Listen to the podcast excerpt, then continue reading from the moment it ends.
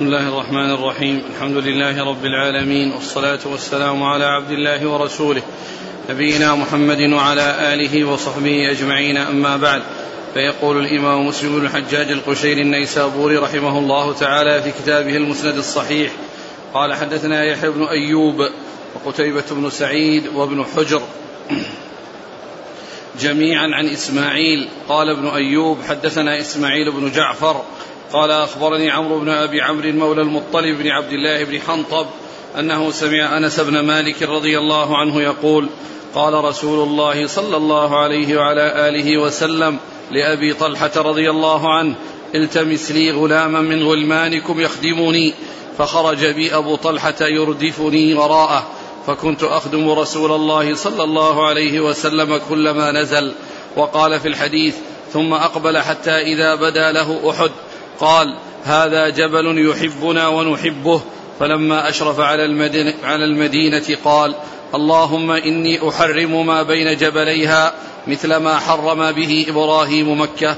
اللهم بارك لهم في مدهم وصاعهم.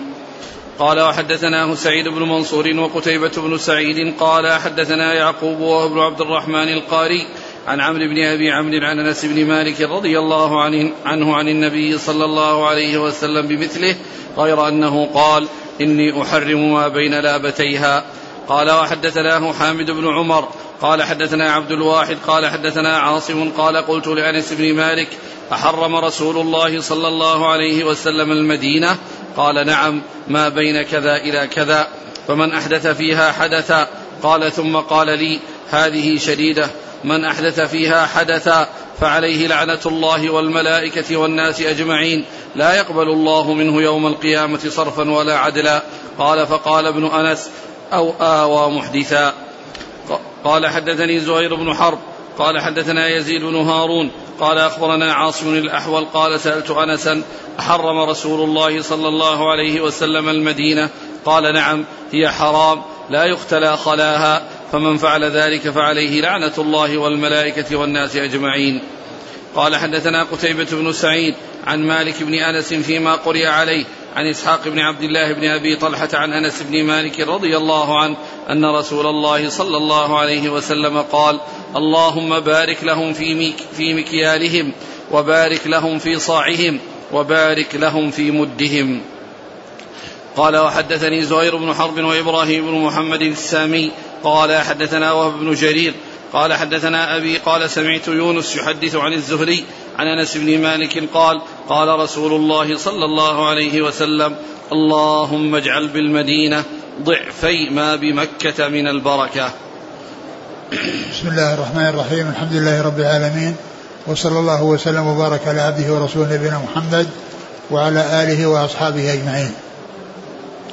أما بعد فسبق عدة أحاديث تتعلق بتحريم المدينة وأن الرسول عليه الصلاة والسلام حرم المدينة كما حرم إبراهيم مكة وعرفنا أن المقصود من ذلك إظهار التحريم وبيانه وإلا فإن المحرم هو الله عز وجل هو الذي جعل المدينة مكة حرما وجعل المدينة حرما ولكن حرمة مكة أظهرها إبراهيم عليه الصلاة والسلام.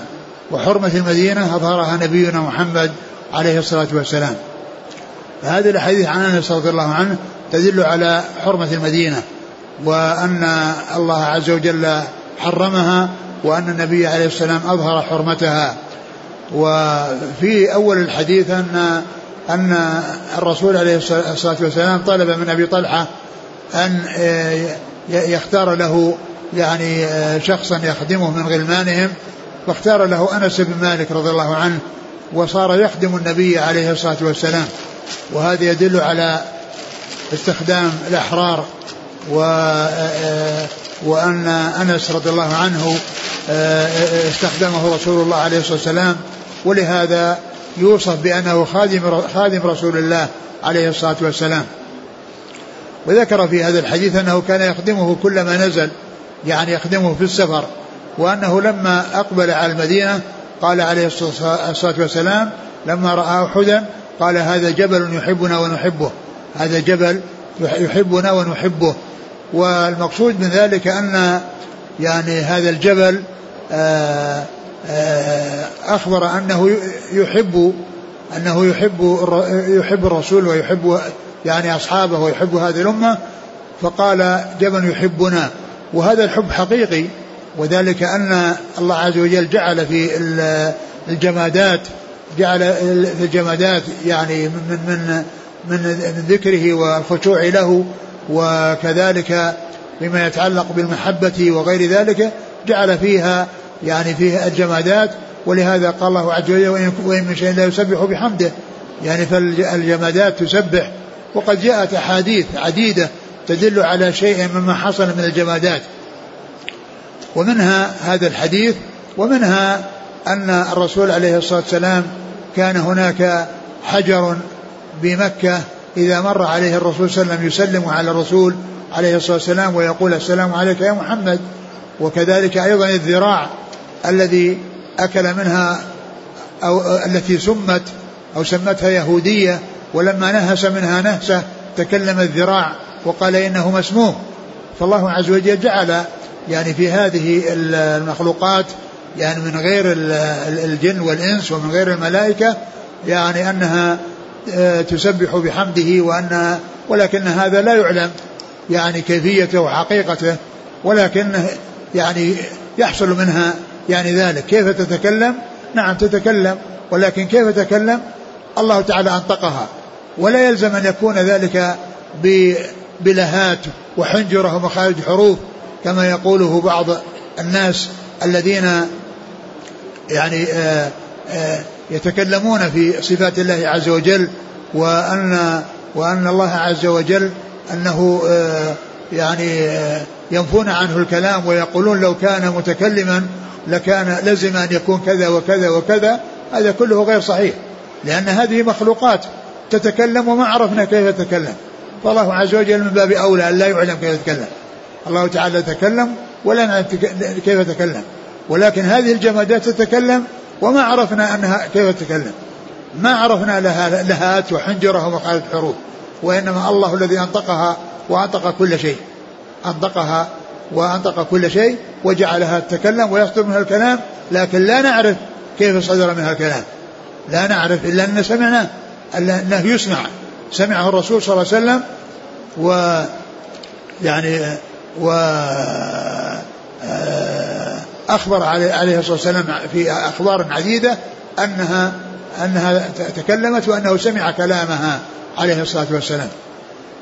آه، إيش بعد حديث نفس ثم قال إني أحرم ما بين جبليها مثل ما حرم به إبراهيم. يعني جاء جبليها وجاء لابتيها يعني و ويعني واللابتان هما الحرتان المحيطة بها من الشرق والغرب.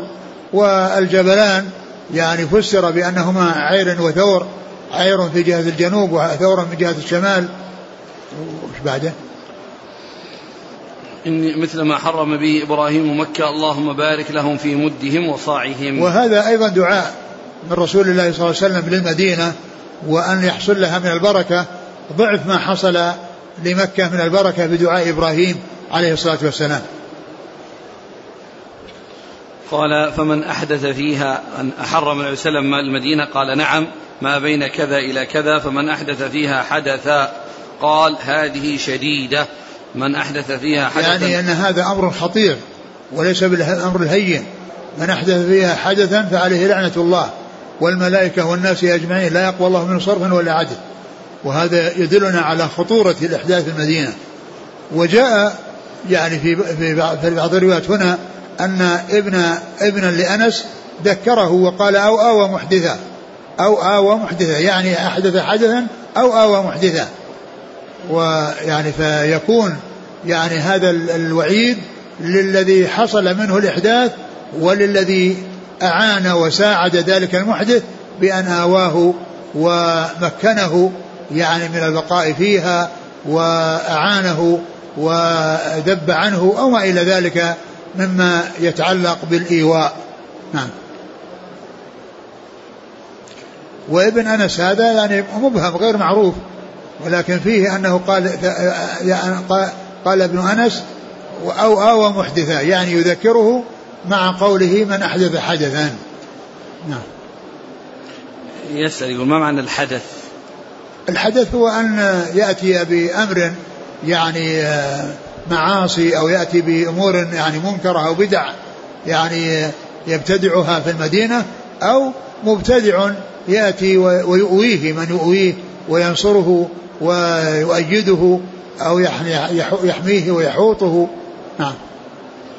المدينة حرام لا يختلى خلاها. فمن الخلا الخلا هو الحشيش الرطب يعني العشب الرطب ليس اليابس. نعم. فمن فعل ذلك فعليه لعنة الله والملائكة والناس أجمعين. نعم. قال اللهم بارك لهم في مكيالهم وبارك لهم في صاعهم وبارك لهم في مدهم. نعم هو مثل ما تقدم. اللهم اجعل بالمدينة ضعفي ما بمكة من البركة. نعم. وهذا تكررت فيه الأحاديث بالضعف. نعم. قال حدثنا يحيى بن أيوب وقتيبة بن سعيد وابن حجر. علي بن حجر. عن إسماعيل بن جعفر عن نعم. عمرو بن أبي عمرو مولى المطلب بن عبد الله بن حنطب عن أنس بن مالك. نعم. قال وحدثناه سعيد بن منصور وقتيبة بن سعيد عن يعقوب بن عبد الرحمن القاري عن عمرو بن أبي عمرو عن أنس بن مالك. قال نعم. وحدثناه حامد بن عمر عن عبد الواحد بن زياد. عن عاصم بن سليمان الأحول. عن أنس بن مالك. نعم. قال حدثني زهير بن حرب عن يزيد بن هارون عن عاصم الأحول عن أنس بن مالك. قال حدثنا قتيبة بن سعيد عن مالك بن أنس عن إسحاق بن عبد الله بن أبي طلحة عن أنس بن مالك. قال وحدثني زهير بن حرب وإبراهيم بن محمد السامي عن وهب بن جرير عن أبيه. جرير بن حازم. عن يونس عن الزهري. يونس بن يزيد الأيلي وزهري محمد مسلم بن عبد الله بن شهاب الزهري. يقول هل البدعة في المدينة تبطل العمل لقوله عليه الصلاة والسلام لا يقبل الله منه يوم القيامة صرفا ولا عدلا؟ الشيء الذي لا يصل إلى حد الكفر لا يبطل العمل. ولكنه يعني على خطر يعني من العذاب والعقوبة.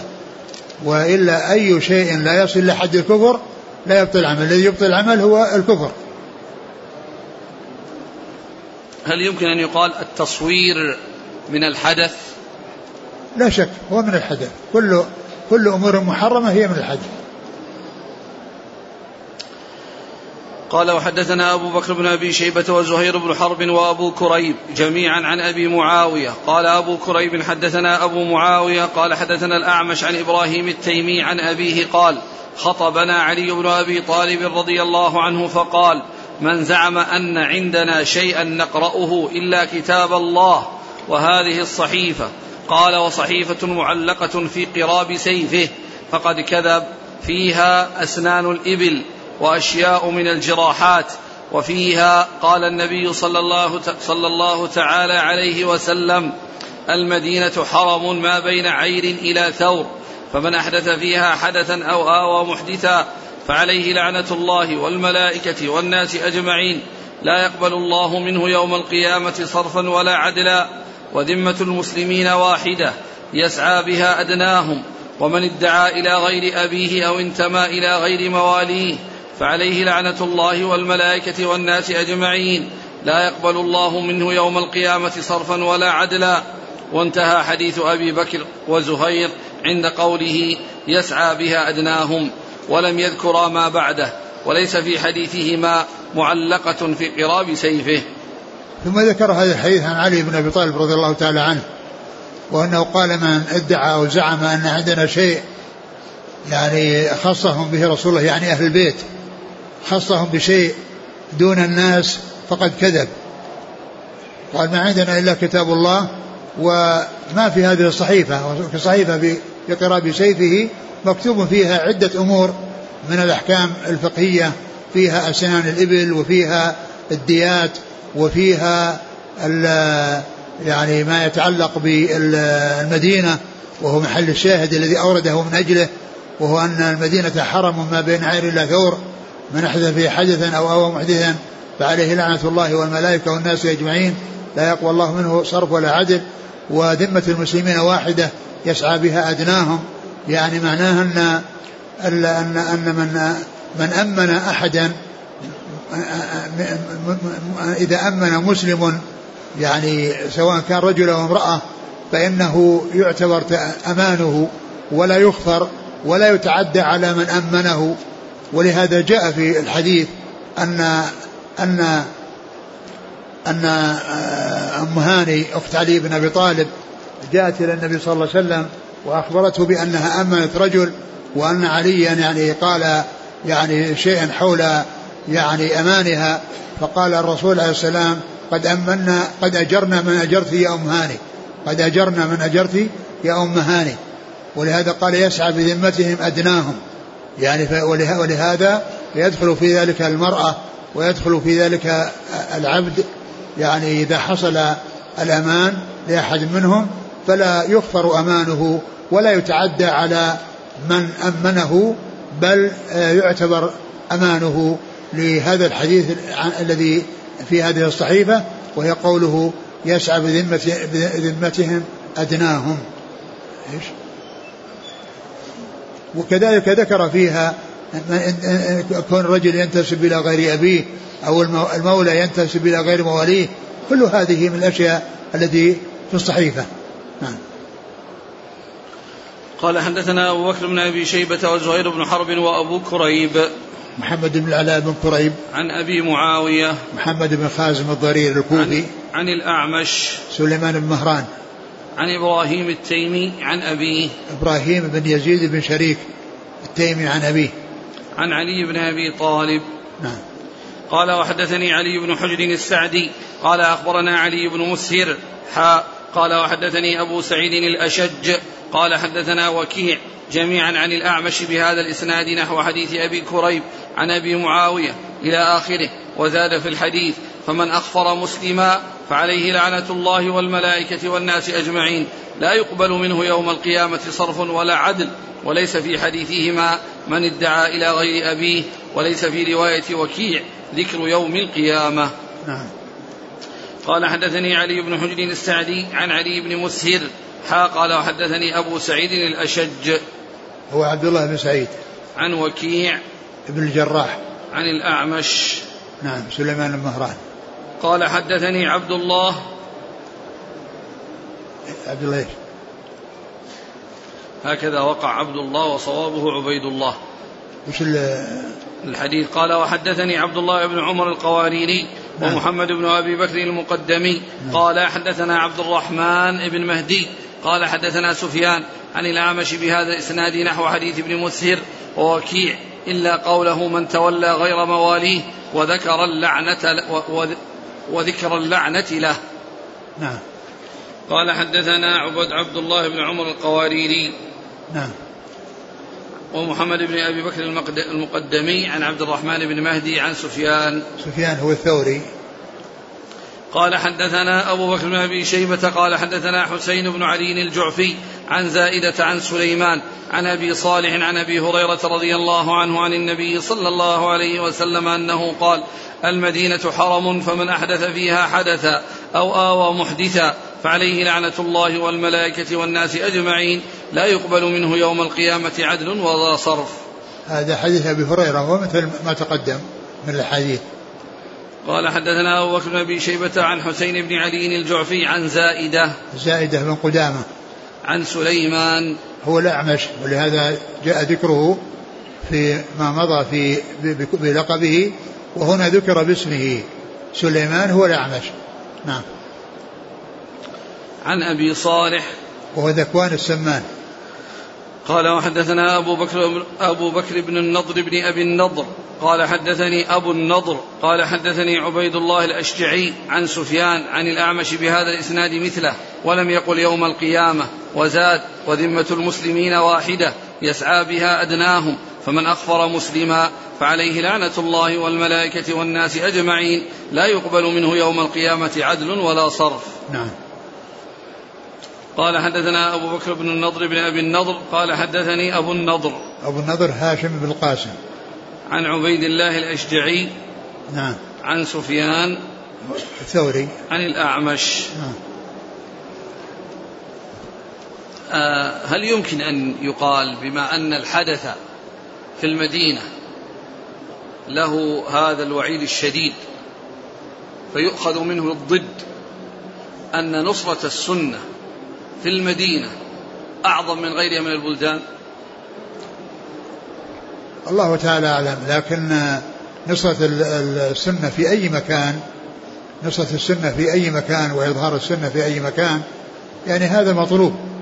ولا شك أن المدينة هي التي شع منها النور وانطلق الهداة المصلحون وهي يعني الذي آه، آه، نزل فيها الوحي وظهر فيها هذا الدين بهجرة الرسول صلى الله عليه وسلم إليها. لا شك أن الحسنة يعني في, في, في المدينة يعني لها شأنها ولها وزنها كما أن السيئة لها خطورتها. يعني فالحرمان يعني الحسنات فيها لها منزل لها, لها شأن. ويعني وإن لم يكن هناك تحديد بال بال بال بالكمية ولكن بالكيفية. لأن الكمية إنما جاءت في الصلاة. إن الصلاة في المسجد بألف صلاة وفي مكة بمئة ألف صلاة. لكن غيرها ما جاء أن هذا بكذا وهذا بكذا.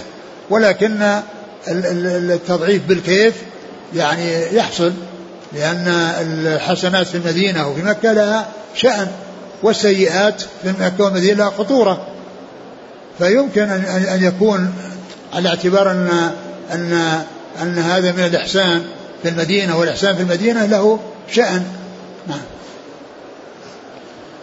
قال حدثنا يحيى بن يحيى قال قرأت على مالك عن ابن شهاب عن سعيد بن المسيب عن أبي هريرة رضي الله عنه أنه كان يقول لو رأيت الظباء ترتع بالمدينة ما ذعرتها. قال رسول الله صلى الله عليه وسلم ما بين لابتيها حرام. ثم ذكر حديث أبي هريرة وما كان عليه أصحاب الرسول صلى الله عليه وسلم من الالتزام بالسنة والأخذ بها وأنهم يستسلمون وينقادون لما جاء عن الرسول عليه الصلاة والسلام لأنه لما روى هذا الحديث قال ما بين لابتيها حرام يعني قال فأخبر بأنه ينفذ يعني هذا الذي أرشد إليه الرسول عليه الصلاة والسلام قال لو رأيت الظباء ترتع بالمدينة ما ذعرتها يعني ما أزعجها ولا نفرها لأن الرسول صلى الله عليه وسلم قال ما بين لبتها حرم أو حرام. فهذا يدل على ما كان عليه الصحابة رضي الله عنهم من الالتزام والتقيد والامتثال والاستسلام لما جاء عن الله وعن رسوله صلوات الله وسلامه وبركاته عليه. يعني أنه لما سمع هذا الحديث عن رسول الله صلى الله عليه وسلم وأنها حرام قال لو رأيت الظباء ترتع ما دعرتها. يعني ما أزعجها ولا نفرها وإنما يتركها على ما هي عليه. قال حدثنا يحيى بن يحيى عن مالك عن ابن شهاب عن سعيد بن المسيب عن أبي هريرة. قال وحدثنا إسحاق بن إبراهيم ومحمد بن رافع وعبد بن حميد. قال إسحاق أخبرنا عبد الرزاق. قال حدثنا معمر عن الزهري عن سعيد بن المسيب عن أبي هريرة رضي الله عنه أنه قال حرم رسول الله صلى الله عليه وسلم ما بين لابتي المدينة. قال أبو هريرة فلو وجدت الظباء ما بين لابتيها ما ذعرتها وجعل اثني عشر ميلا حول المدينة حما ثم ذكر هذا الحديث عن أبي هريرة ومثل الذي قبله. وفيه زيادة أنه جعل يعني حول المدينة اثني عشر ميلا حما والمقصود من ذلك أن أن أن هذا يترك يعني حتى يعني ترعى منه يعني البهائم يعني في المدينة وإنما يعني ال ال يعني هذه المنطقة أو القريبة أو بهذا المقدار يعني من المدينة من جميع النواحي يعني حمى ولكن ليست بحرم. الحرم هو يعني ما جاء في أنه من عين الله ثور واللابتين. وأما الحمى فهذا يعني حمى من أجل الرعي. نعم.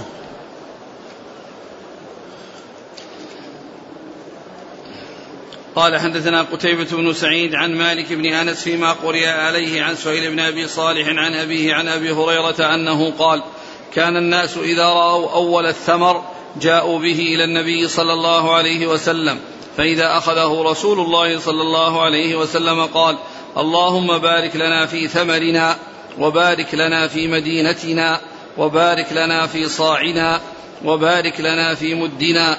اللهم إن إبراهيم عبدك وخليلك ونبيك وإني عبدك ونبيك وإنه دعاك لمكة وإني أدعوك للمدينة بمثل ما, بمثل ما دعاك لمكة ومثله معه. قال ثم يدعو ثم يدعو أصغر وليد له فيعطيه ذلك الثمر. ثم ذكر هذا الحديث وأن الصحابة رضي الله عنهم إذا بدأ الثمر في المدينة يعني أخذوه وأتوا به الرسول صلى الله عليه وسلم. يعني معناه أنه بدأ الصلاح. يعني فإذا حصل أول شيء يأتون به الرسول عليه السلام ليدعو وكذلك ليشعروه بأنه بدأ الصلاح يعني في الثمار. يعني فالرسول عليه السلام يدعو يعني في في في الثمار وفي يعني الصاع والمد في المدينة. ثم إنه يعني ينظر إلى أصغر يعني صبي يعني حوله فيعطيه إياه. لأن الصبيان هم الذين يفرحون بمثل هذه الأشياء ويحرصون عليها ويهتمون بها. فكان لحسن عشرته وحسن تعامله مع أصحابه ولا سيما يعني إحسانه إلى الصغار ورفقه بالصغار كان هذا الثمر الجديد الذي يعني يأتي لأول مرة يعني صلح يعني ما كان يأكله صلى الله عليه وسلم وإنما ينظر أصغر طفل فيعطيه إياه لأن الأطفال هم الذين يفرحون ويحرصون على مثل يعني هذه الأشياء. مثل ما هو في هذا الزمان يعني يحرصون على الشيء الذي يعني فيه نفاسة أو الشيء الذي يعني يعني يعني فيه فائدة ويحرصون على على ذلك. فالرسول صلى الله عليه وسلم اختص الصغار بذلك لفرحهم ولحرصهم وحبهم لمثل هذه الأشياء.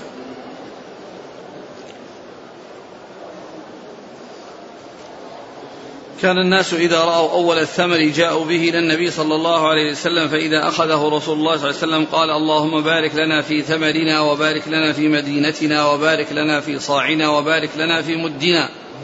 اللهم إن إبراهيم عبدك وخليلك ونبيك وإني عبدك ونبيك وإنه دعاك لمكة وإني أدعوك للمدينة بمثل ما دعاك لمكة ومثله معه. نعم هذا مرة. لأن مثله معه الضعف يعني مثلين قال حدثنا يحيى بن يحيى قال أخبرنا عبد العزيز بن محمد المدني عن سهيل بن أبي صالح عن أبيه عن أبي هريرة رضي الله عنه أن رسول الله صلى الله عليه وسلم كان يؤتى بأول الثمر فيقول اللهم بارك لنا في مدينتنا وفي ثم وفي ثمارنا وفي مدنا وفي صاعنا بركة مع بركة ثم يعطيه أصغر من يحضره من الولدان. ثم ذكر الحديث وهو مثل ما تقدم. قال حدثنا يحيى بن يحيى عن عبد العزيز بن محمد المدني. عبد العزيز بن محمد المدني هذا هو الدراوردي الذي يأتي ذكره كثيرا بالدراوردي هنا ذكره المدني. يعني فهذا يعني شخص واحد. نعم. عن سهيل بن أبي صالح عن أبيه عن أبي هريرة. نعم. يقول السائل هل يجوز أن نأتي بأول الثمار لأهل الفضل والعلم قياسا على النبي صلى الله عليه وسلم؟ لا. ما جاء أن الصحابة كانوا يأتون إلى أبي بكر وعمر ويفعلون هذا معهم وهم خير الناس وأولى الناس. وهذا من جنس ما سبق أن مر التنبيه عليه وهو أن الرسول عليه السلام كانوا يتبركون يعني بشعره ويتبركون بعرقه ويتبركون يعني تحنيكه للصبيان وغير ذلك من الأشياء التي تتعلق به صلى الله عليه وسلم. ومع ذلك ما كان ما كان الناس بعد الرسول صلى الله عليه وسلم يأتون آه، أبا بكر ويعاملونه المعاملة التي كانوا يعاملونها رسول الله عليه الصلاة والسلام وهو خير هذه الأمة عليه الصلاة رضي الله تعالى عنه وأرضاه. نعم. قال رحمه الله تعالى حدثنا حماد بن إسماعيل بن علية قال حدثنا أبي عن وهيب عن يحيى بن أبي إسحاق أنه حدث عن أبي سعيد مولى المهري أنه أصابهم بالمدينة جهد وشدة وأنه أتى أبا سعيد الخدري رضي الله عنه فقال له إني كثير العيال وقد أصابتنا شدة فأردت أن أنقل عيالي إلى بعض الريف. فقال أبو سعيد لا تفعل. إلزم المدينة فإنا خرجنا مع نبي الله صلى الله عليه وسلم. أظن أنه قال حتى قدمنا عسفان فأقام بها ليالي فقال الناس والله ما نحن ها هنا في شيء وإن عيالنا لخلوف ما نأمن عليهم. فبلغ ذلك النبي صلى الله عليه وآله وسلم فقال ما هذا الذي بلغني من حديثكم؟ ما أدري كيف قال. والذي أحلف به أو والذي نفسي بيده لقد هممت أو إن شئتم لا أدري أيتهما قال لآمرن بناقتي ترحل ثم لا أحل لها عقدة حتى أقدم المدينة. وقال اللهم إن إبراهيم حرم مكة فجعلها حرما وإني حرمت المدينة حراما ما بين مأزميها ما بين مأزميها ألا يهراق فيها دم ولا يحمل فيها سلاح سلاح لقتال ولا يخبط فيها شجرة إلا لعلف. اللهم بارك لنا في مدينتنا اللهم بارك لنا في صاعنا اللهم بارك لنا في مدنا اللهم بارك لنا في صاعنا اللهم بارك لنا في مدنا اللهم بارك لنا في مدينتنا اللهم اجعل مع البركة بركتين. والذي نفسي بيده ما من المدينة شعب ولا نقب إلا عليه ملكان يحرسانها حتى تقدموا إليها. ثم قال للناس ارتحلوا فارتحلنا فأقبلنا إلى المدينة فوالذي نحلف به أو يحلف به الشك من حماد. ما وضعنا رحالنا حين دخلنا المدينة حتى أغار علينا بنو عبد الله بن غطفان وما يهيجهم قبل ذلك شيء. ثم ذكر آه يعني آه الإمام مسلم رحمه الله يعني هذا الحديث الطويل يعني عن عن أبي سعيد الخدري. عن أبي سعيد الخدري أن أبا سعيد المهري جاء إليه وقال إنه كثير العيال وأن أنه أصابه يعني لأوى وشدة في المدينة وأنه يعني يفكر أن يذهب إلى بعض الأرياف يعني الأماكن التي فيها الخصب. وفيها الرخاء يعني وأن ينتقل عن المدينة.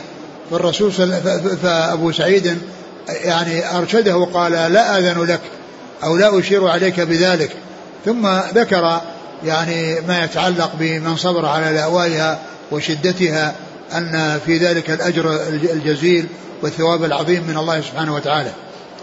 ثم ذكر قصة وهي أنهم كانوا مع النبي صلى الله عليه وسلم وأنهم يعني خرجوا وأنهم نزلوا مع الرسول في عسفان وأنه سمع من بعض الصحابة أنهم قالوا إن أننا في خلوف. قال, قال الناس والله ما نحن ها هنا في شيء وإن عيالنا لخلوف ما, ما نحن عليهم. ما نحن هنا بشيء يعني بقاؤنا في هذا المكان يعني لا فائدة فيه وعيالنا يعني هناك خلوف. نعم.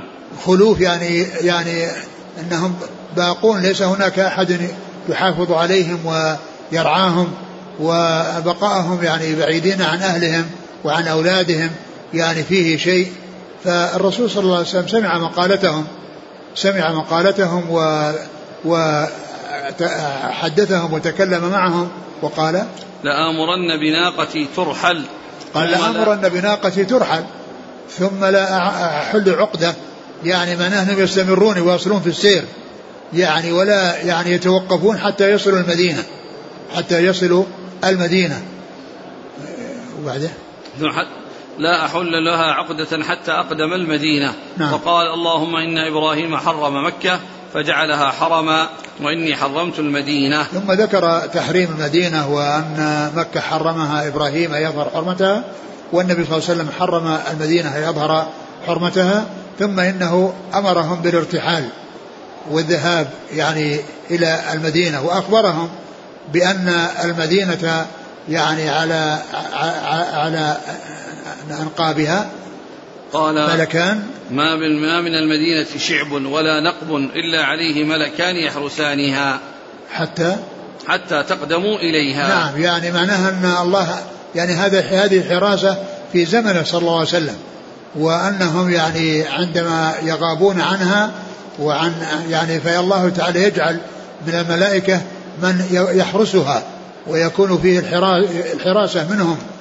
يعني ف وهذا وهذا إنما هو في زمنه عليه عليه الصلاة والسلام. وأما يعني بعد زمنه سيأتي فيما يتعلق بحراستها من الدجال والطاعون. قال إيش كمل؟ هنا قال حراما ما بين مأزميها. مأزميها يعني قيل إنه جبليها. مثل الجبلين أو الحرتين. نعم. لا يهراق فيها دم. يعني هذا معنى الحرمة أنها حرام أنه لا يراق فيها الدم ولا يحمل فيها ولا يحمل فيها السلاح. ولا يحمل فيها السلاح إلا إلا لقتال لا يحمل فيها سلاح لقتال. نعم. ولا يخبط فيها شجرة إلا لعلف. ولا يخبط فيها شجرة إلا لعلف. يعني علف البهائم. إلا لعلف البهائم. ويحتمل أن يكون يعني أن أن يكون ذلك يعني إذا كان يابسا. وقد سبق أن مر بنا أن أن سعد بن أبي وقاص إيش الحديث اللي راح أنه رأى يعني عبدا يخبط الشجر يقطعه أو يخبطه. وجد عبدا يقطع شجرا أو يخبطه فسلبه. نعم يعني يحتمل أن يكون يعني المقصود ذلك أنه ورق يابس يعني وأنه كان في الشجر فكان يضربه حتى ينزل حتى ترعاه البهائم وأما يعني كونه يعني يخبط وهو وهو رطب ويعني فهذا يعني آه، يخالف ما جاء في يعني آه، ذاك الحديث الذي قال أنه كان آه، سعد أخذ سلبه لأنه كان يخبط الشجر. فيحتمل أن يكون يعني هذا الذي يخبط أنه شيء يابس. نعم. ولعلف يعني كونهم يعلفونه يعني يعرفونه البهائم. نعم. آه يقول ألا يعني يؤخذ منه يعني الشجر آه أوراق الشجر بخلاف يعني ما هو ملتصق بها لما تساقط من أوراق الشجر. المتساقط هذا ما في إشكال بس الكلام على ضرب الشجر حتى يسقط الورق. يعني كان يابسا هذا ما فيه إشكال. وإن كان رطبا ففيه إشكال. ويحتمل أن يكون يعني كما قال يعني بعض الشراح أو الشارح ما النووي وغيره أنه المقصود ذلك أن لا تقطع الأغصان وألا يسقط أغصانا بهذا. لكن ذاك الذي مر في حديث سعد يعني كان يخبطه من أجل يعني يتساقط الورق. اليابس هذا لا إشكال فيه والإشكال إنما هو في الرطب. اللهم بارك لنا في مدينتنا اللهم بارك لنا في صاعنا اللهم بارك لنا في مدنا. نعم. ثم قال ارتحلوا فارتحلنا فأقبلنا إلى المدينة. قال ما وضعنا رحالنا حين دخلنا المدينة؟ حتى أغار علينا بنو عبد الله بن غطفان وما يهيجهم قبل ذلك شيء. يعني أنها محروسة بغيبتهم كما جاء في الحديث الملائكة الذين على أنقابها يعني يحرسونها وأنهم عندما وصلوا يعني حصل أغار عليهم يعني أولئك الذين هم بني عبد الله من, من غطفان. وما كان يهيجهم قبل ذلك شيء يعني في الغيبة يعني التي كانت الملائكة تحرسها ما ما حصل منه شيء. لكن لما جاءوا وانتهت الحراسة في حال الغيبة حصل هذه الإغارة يعني من هؤلاء القوم الذين هم من غطفان يعني معناه أن في حال غيبتهم محروسة ما ما هاجهم شيء ولا جاءوا يعني للمدينة من أجل أنهم يعني يعملون فيها ما يعملون وإنما الملائكة يعني كانت تحرسها ولما وصلوا وانتهت الحراسة في حال غيبتهم عند ذلك حصل ما حصل من أقدام هؤلاء على الإغارة عليهم. في شيء الحديث الطويل هذا؟ وهذا الذي قرأنا. نعم. ما في إلا اللي قرأنا. نعم. قال حدثنا حماد بن إسماعيل بن علية عن أبيه. حماد بن إسماعيل بن علية هنا يعني يعني ما جاء ذكره يعني وذكره نادر يعني كونه يعني يأتي في الروايات. وقد جاء في هذا الإسناد حماد بن إسماعيل بن علية. حماد بن إسماعيل بن علية يروي عن عن أبيه. نعم. نعم. يروي عن أبيه. و ويعني وهذا روى له مسلم والنسائي اللي هو حماد. وله أخ اسمه محمد بن إسماعيل. وهذا يروي له مسلم من شيوخ مسلم. ويعني هذان ابنان فاضلان. وثقتان لإسماعيل آه، آه، آه، ابن علية. وله ابن ثالث يعني سيء يقال له إبراهيم. وهذا ذكره ابن حجر في في في لسان الميزان وقال جهمي هالك. جهمي هالك يعني يعني معناه إنه سيء وأنه من الجهمية وكان يقول بخلق القرآن. ف ويأتي في في مسائل الشذوذ في الفقه في مسائل الشذوذ في الفقه يأتي ذكر ابن علية. ولهذا إذا جاء في مسائل الفقه آه، آه، اللي فيها شذوذ وفيها ابن علية فالمراد به إبراهيم بن علية هذا الذي هو ابن إسماعيل. وقد جاء في بداية المجتهد لابن رشد في باب الإجارة لما ذكر أن أن الإجارة أنه قال بها العلماء وأن الحاجة داعية إليها وأنه لا يستغنى عنها. قال وخالف في ذلك ابن علية والأصم. وخالف في ذلك ابن علية والأصم. ابن علية هذا إبراهيم ابن إسماعيل. وليس أبوه إسماعيل أبوه, أبوه إسماعيل محدث يعني جليل من علماء الحديث وله حديث كثيرة. وإنما المقصود به ابنه هذا إبراهيم الذي هو يعني من أهل البدع. وقال عنه في, في لسان المزاد أنه جهمي جهمي هالك. نعم. وابن علية هو ابن كيسان الأصم يعني هو معتزلي. نعم. عن وهيب. وهيب بن خالد. عن يحيى بن أبي إسحاق. نعم. عن أبي سعيد المولى المهري. عن نعم. أبي سعيد الخدري. نعم. قال وحدثنا زهير بن حرب قال حدثنا إسماعيل بن علية عن علي بن المبارك قال حدثنا يحيى بن أبي كثير قال حدثنا أبو سعيد مولى المهري عن أبي سعيد الخدري أن رسول الله صلى الله عليه وسلم قال اللهم بارك لنا في صاعنا ومدنا واجعل مع البركة بركتين. نعم. قال وحدثناه أبو بكر بن أبي شيبة قال حدثنا عبيد الله بن موسى قال أخبرنا شيبان حا قال وحدثني إسحاق بن منصور قال أخبرنا عبد الصمد قال حدثنا حرب يعني بن شداد كلاهما عن يحيى بن أبي كثير بهذا الإسناد مثله. قال حدثنا أبو بكر بن شيبة عن عبيد الله بن موسى عن شيبان. شيبان بن عبد الرحمن. ها قال وحدثني إسحاق بن منصور عن عبد الصمد. ابن عبد الوارث. عن حرب يعني بن شداد كلاهما عن يحيى بن أبي كثير. نعم. قال وحدثنا قتيبة بن سعيد قال حدثنا ليث عن سعيد بن أبي سعيد عن أبي سعيد المولى المهري أنه جاء أبا سعيد الخدري رضي الله عنه ليالي الحرة فاستشاره في الجلاء من المدينة وشكى إليه أسعارها وكثرة عياله فأخبره ألا صبر له على جهد المدينة ولأوائها. فقال له ويحك لا آمرك بذلك إني سمعت رسول الله صلى الله عليه وسلم يقول لا يصبر أحد على لأوائها فيموت إلا كنت له شفيعا أو شهيدا يوم القيامة إذا كان مسلما. وهذا يعني يعني في يتعلق في يعني في مسألة أبي سعيد المهري وتفكيره بالذهاب وكان هذا في ليالي الحرة يعني التي حصلت الفتنة يعني في ذلك الوقت. فأراد أن يذهب إلى خارج المدينة فقال ويحك لا آمرك. وروى له الحديث عن رسول الله صلى الله عليه وسلم أن من صبر على لأوائها وشدتها قال كنت له شفيعا أو شهيدا يوم القيامة إذا كان مسلما. يعني هذا هو الذي تنفع شفاعة الشافعين. المسلم هو الذي ينتفع بالشهادة بالشفاعة. وأما الكفار فلا تنفعهم شفاعة الشافعين. ومعلوم أن المدينة يكون فيها يعني يكون فيها مسلمون ويكون فيها الكفار.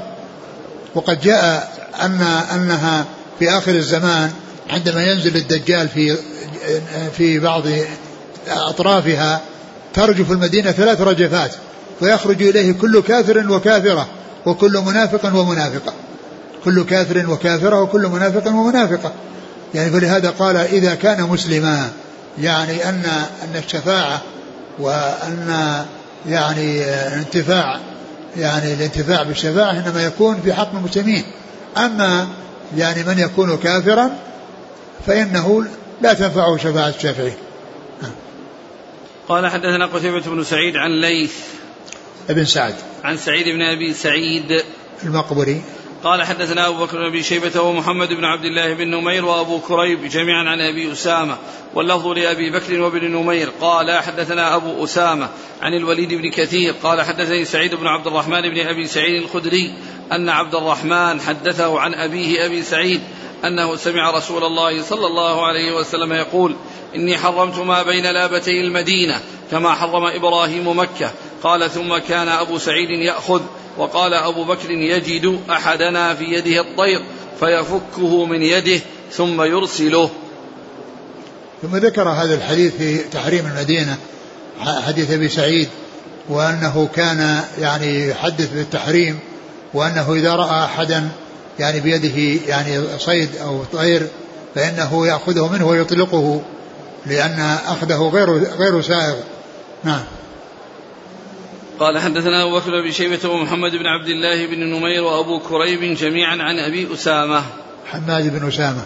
عن الوليد بن كثير عن سعيد بن عبد الرحمن بن أبي سعيد عن عبد الرحمن عن أبيه أبي سعيد. يعني هذا فيه من رواية ال ال ال ال الابن عن أبيه عن جده. لأن سعيد يروي عن أبيه عبد الرحمن وعبد الرحمن يروي عن أبي سعيد. قال عن سعيد عن نعم. أبيه. نعم. عن أبيه عبد الرحمن عن أبي سعيد. نعم. يعني رواية الابن أو الحفيد عن أبيه عن جده. قال وحدثنا أبو بكر بن أبي شيبة قال حدثنا علي بن مسهل عن الشيباني عن يسير بن عمرو عن سهل بن حنيف رضي الله عنه أنه قال أهوى رسول الله صلى الله عليه وآله وسلم بيده إلى المدينة فقال إنها حرم آمن. ثم ذكر حديث سهل بن حنيف رضي الله عنه. أن الرسول أهوى بيده يعني أشار إليها وقال إنها حرم آمن. يعني ففيه يعني ذكر أنها حرم وأنها أنه آمن يعني من دخله كان آمنا. نعم. قال حدثنا أبو بكر بن شيبة عن علي بن مسلم عن الشيباني. الشيباني هو سليمان بن أبي سليمان. عن أبو إسحاق. أبو إسحاق الشيباني. عن يسير بن عمرو عن سهل بن حنيف. نعم. قال وحدثنا أبو بكر بن شيبة قال حدثنا عبدة عن هشام عن أبيه عن عائشة رضي الله عنها قالت قدمنا المدينة وهي وبيئة فاشتكى أبو بكر واشتكى بلال فلما رأى رسول الله صلى الله عليه وسلم شكوى أصحابه قال اللهم حبب إلينا المدينة كما حببت مكة أو أشد وصححها وبارك لنا في صاعها ومدها وحول حماها إلى الجحفة. ثم ذكر حديث عائشة رضي الله عنها الذي فيه أنهم لما قدموا المدينة كانت وبيئة. يعني فيها فيها وباء وفيها مرض فيها حمى. فالرسول عليه السلام قال اللهم صححها. اللهم حبب إلينا المدينة كما حببت مكة أو أشد. اللهم حبب إلى المدينة كما حببت مكة وأشد أو أشد لأن مكة كانوا يحبونها ولأنها بلدهم. والرسول عليه السلام قال لما خرج منها قال إنك يحب بلاد الله إلى الله ولولا أني أخرجت ما خرجت. وطلب وسأل الله عز وجل أن يحبب إليهم المدينة كما حبب مكة أو أشد وذلك بأن يستقروا فيها وأن يرتاحوا فيها ويطمئنوا فيها. نعم.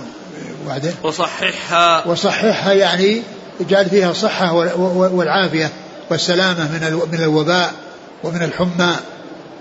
وبارك لنا في صاعها ومدها وحول حماها إلى الجحفة. وحمل وحول حماها إلى الجحفة يعني ينقلها ويجعلها في في الجحفة. ولهذا الجحفة يعني كانت غير معمورة ولم تحصل عمارتها وقيل إنه كان فيها يهود يعني في ذلك الوقت. قال حدثنا أبو بكر بن شيبة عن عبده ابن سليمان. عن هشام عن أبيه. هشام بن عروة. عن أبيه عن عائشة. نعم. قال وحدثنا أبو كريب قال حدثنا أبو أسامة وابن نمير عن هشام بن عروة بهذا الإسناد نحوه.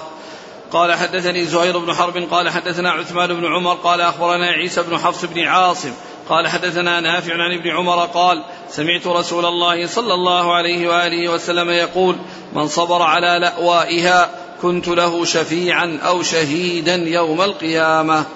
وهذا سبق أن مر يعني الحديث في ذلك. قال حدثنا زهير بن حرب عن عثمان بن عمر عن عيسى بن حفص بن عاصم عن نافع عن ابن عمر. آه. هنا شهيدا أو شفيعا، الأو هنا للشك أو للتنويع. نعم أو شهيدا أو شفيعا للشك أو للتنويع يعني أقول محتمل للتنويع نعم قال حدثنا هذا ذكر النووي هذا. نعم. نعم. قال حدثنا يحيى بن يحيى قال قرأت على مالك عن قطن بن وهب بن عمي بن عويمر بن الأجدع عن يحنس مولى الزبير قال أخبره أنه كان جالسا عند عبد الله بن عمر في الفتنة فأتته مولاة له تسلم عليه فقالت إني أردت الخروج يا أبا عبد الرحمن اشتد علينا الزمان. عن يحنس مولى الزبير أخبره أنه كان جالسا عند عبد الله بن عمر في الفتنة فأتته مولاة له تسلم عليه فقالت إني أردت الخروج يا أبا عبد الرحمن اشتد علينا الزمان فقال لها عبد الله اقعدي لكاع فإني سمعت رسول الله صلى الله عليه وسلم يقول لا يصبر على لأوائها وشدتها أحد إلا كنت له شهيدا أو شفيعا يوم القيامة. ثم ذكر هذا الحديث وأن يعني وهذا مثل حصل عند ابن عمر مثل الذي حصل عند أبي سعيد بن أبي سعيد المهري وأنه كان يعني في الفتنة وأنه قال إنه كثير العيال وأنه يريد أن يذهب للأرياف فقال ويحك لا أمرك وهنا يعني حصل لابن عمر مع هذه المولاة التي جاءت إليه وقالت إن أنها أنها لا ليش؟ قالت إني أردت الخروج يا أبا عبد الرحمن اشتد علينا الزمان. نعم اشتد علينا الزمان يعني أن أنها حصل لهم ضيق العيش. فأرادت أن تخرج فقال اجلسي لكاعي يعني يا لكاع. وهذه كلمة يؤتى بها يعني للذم. يعني مثل يقال للرجل لكع ويقال للمرأة لكاع. نعم. قال حدثنا يحيى بن يحيى عن مالك قال اقعدي إيش؟ اقعدي لكاع فإني صلى الله عليه وسلم يقول. لا يصبر على لأوائها وشدتها أحد إلا نعم. كنت له شهيدا أو شفيعا يوم القيامة نعم. نعم.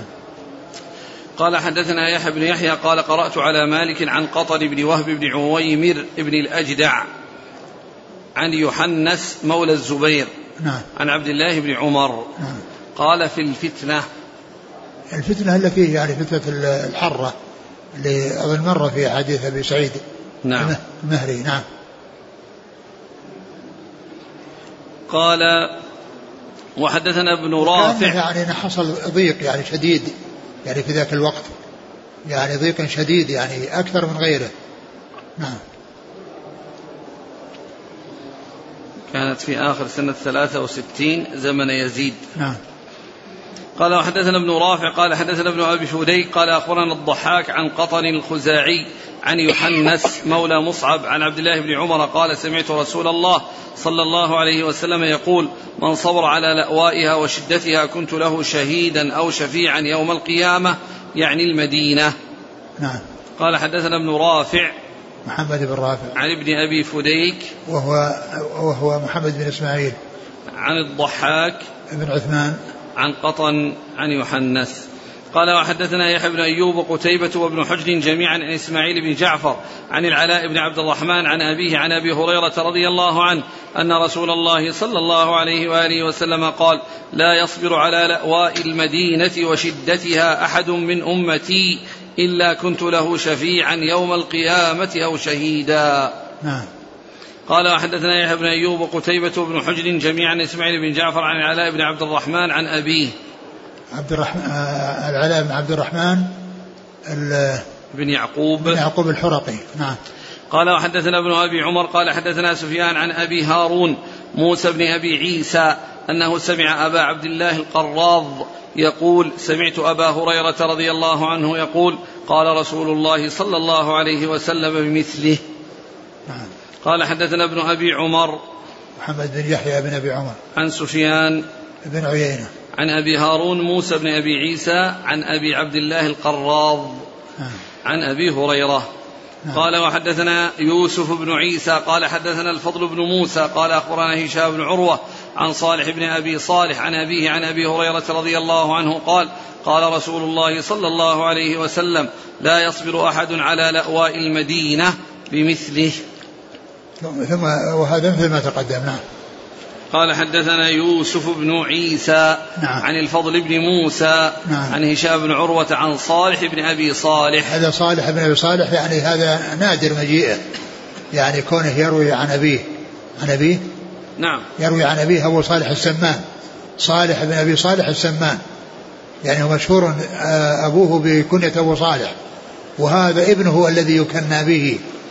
ويعني جاء هنا أنه يروي عنه. فهذا من الأشياء ال- ال- ال- الذي نادر الوجود ال- الورود لأن لأنه آه، يعني مجيء صالح يروي عن أبيه أبي صالح هذا يعني نادر. ومثله حماد بن الذي مر قبل قليل حماد بن إسماعيل بن علية. نعم. قال رحمه الله تعالى حدثنا يحيى بن يحيى قال قرأت على مالك عن نعيم بن عبد الله عن أبي هريرة رضي الله عنه أنه قال قال رسول الله صلى الله عليه وسلم على أنقاب المدينة ملائكة لا يدخلها الطاعون ولا الدجال. قال وحدثنا يحيى بن أيوب وقتيبة وابن حج جميعا إسماعيل بن جعفر. قال أخبرني العلاء عن أبيه عن أبي هريرة أن رسول الله صلى الله عليه وسلم قال يأتي المسيح من قبل المشرق همته المدينة حتى ينزل دبر أحد. ثم تصرف الملائكة وجهه قبل الشام وهنالك يهلك. والله تعالى أعلم وصلى الله وسلم وبارك على عبده ورسوله نبينا محمد وعلى آله وأصحابه أجمعين. جزاكم الله خيرا وبارك الله فيكم ألهمكم الله الصواب ووفقكم للحق. غفر الله لنا ولكم وللمسلمين أجمعين ورزقنا وإياكم طيب المقام في المدينة وختم لنا ولكم بخير.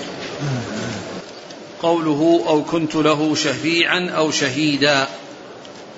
قال بعضهم أو للتقسيم. اي نعم. والمعنى كنت شفيعا لمن مات بها بعدي وشهيدا لمن مات بها في زماني. هذا كلام النووي؟ اي نعم. نعم. وإنما جعلت أو بمعنى الواو كما ورد في بعض الروايات بالواو. نعم لأن أو تأتي بمعنى الواو في في مواضع كثيرة في القرآن والسنة منها عذرا أو نذرا. آثما أو كفورا. تأتي أو والمقصود بها بمعنى الواو. بعضهم قال على وجهها واو فيكون إشارة إلى اختصاص أهل المدينة بالفضيلتين.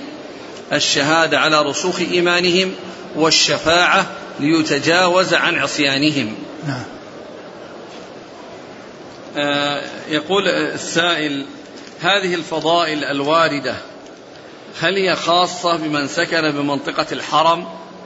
أم تشمل جميع من سكن المدينة ولو خارج منطقة الحرم؟ لأن الحديث ورد في المدينة ومعلوم أن يعني المدينة يعني إذا خرجت عن الحرم فهي باق على اسمها المدينة وإن كان المكان يعني خارج الحرم لكن اسم المدينة ينطبق على ما كان داخل المدينة وما كان خارج ما كان داخل الحرم وما كان خارجه. الذي يظهر أنه عام لكل ما يطلق عليه اسم المدينة سواء في الحرم أو في غير الحرم. يقول هل يجوز قطع السواك من شجر في الحرم في المدينة أو مكة؟ لا لا يقطع. أقول لا يقطع يعني في يعني في مكة والمدينة يعني شيء. من شجرها لا سواك ولا غيره يقول آه، التعبير بأن النبي صلى الله عليه وسلم أخطأ في أسارى بدر. كلمة أخطأ. هذا غلط هذا. ما التعبير هذا غير غير سليم. ولا ينبغي أن يعبر بمثل هذه العبارة. آه، كذلك القول إن العباد يشتركون مع الله في بعض الصفات ولكن صفات الله عز وجل تلائم جلاله. آه يعني آه التعبير هذا غير مستقيم وإلا يعني يكون المعنى يعني الصفة يعني آه، معناها واحد. وإذا أضيف إلى الله عز وجل فهو يليق بكماله وإذا أضيف المخلوقين يليق بضعفهم مثل السمع والبصر.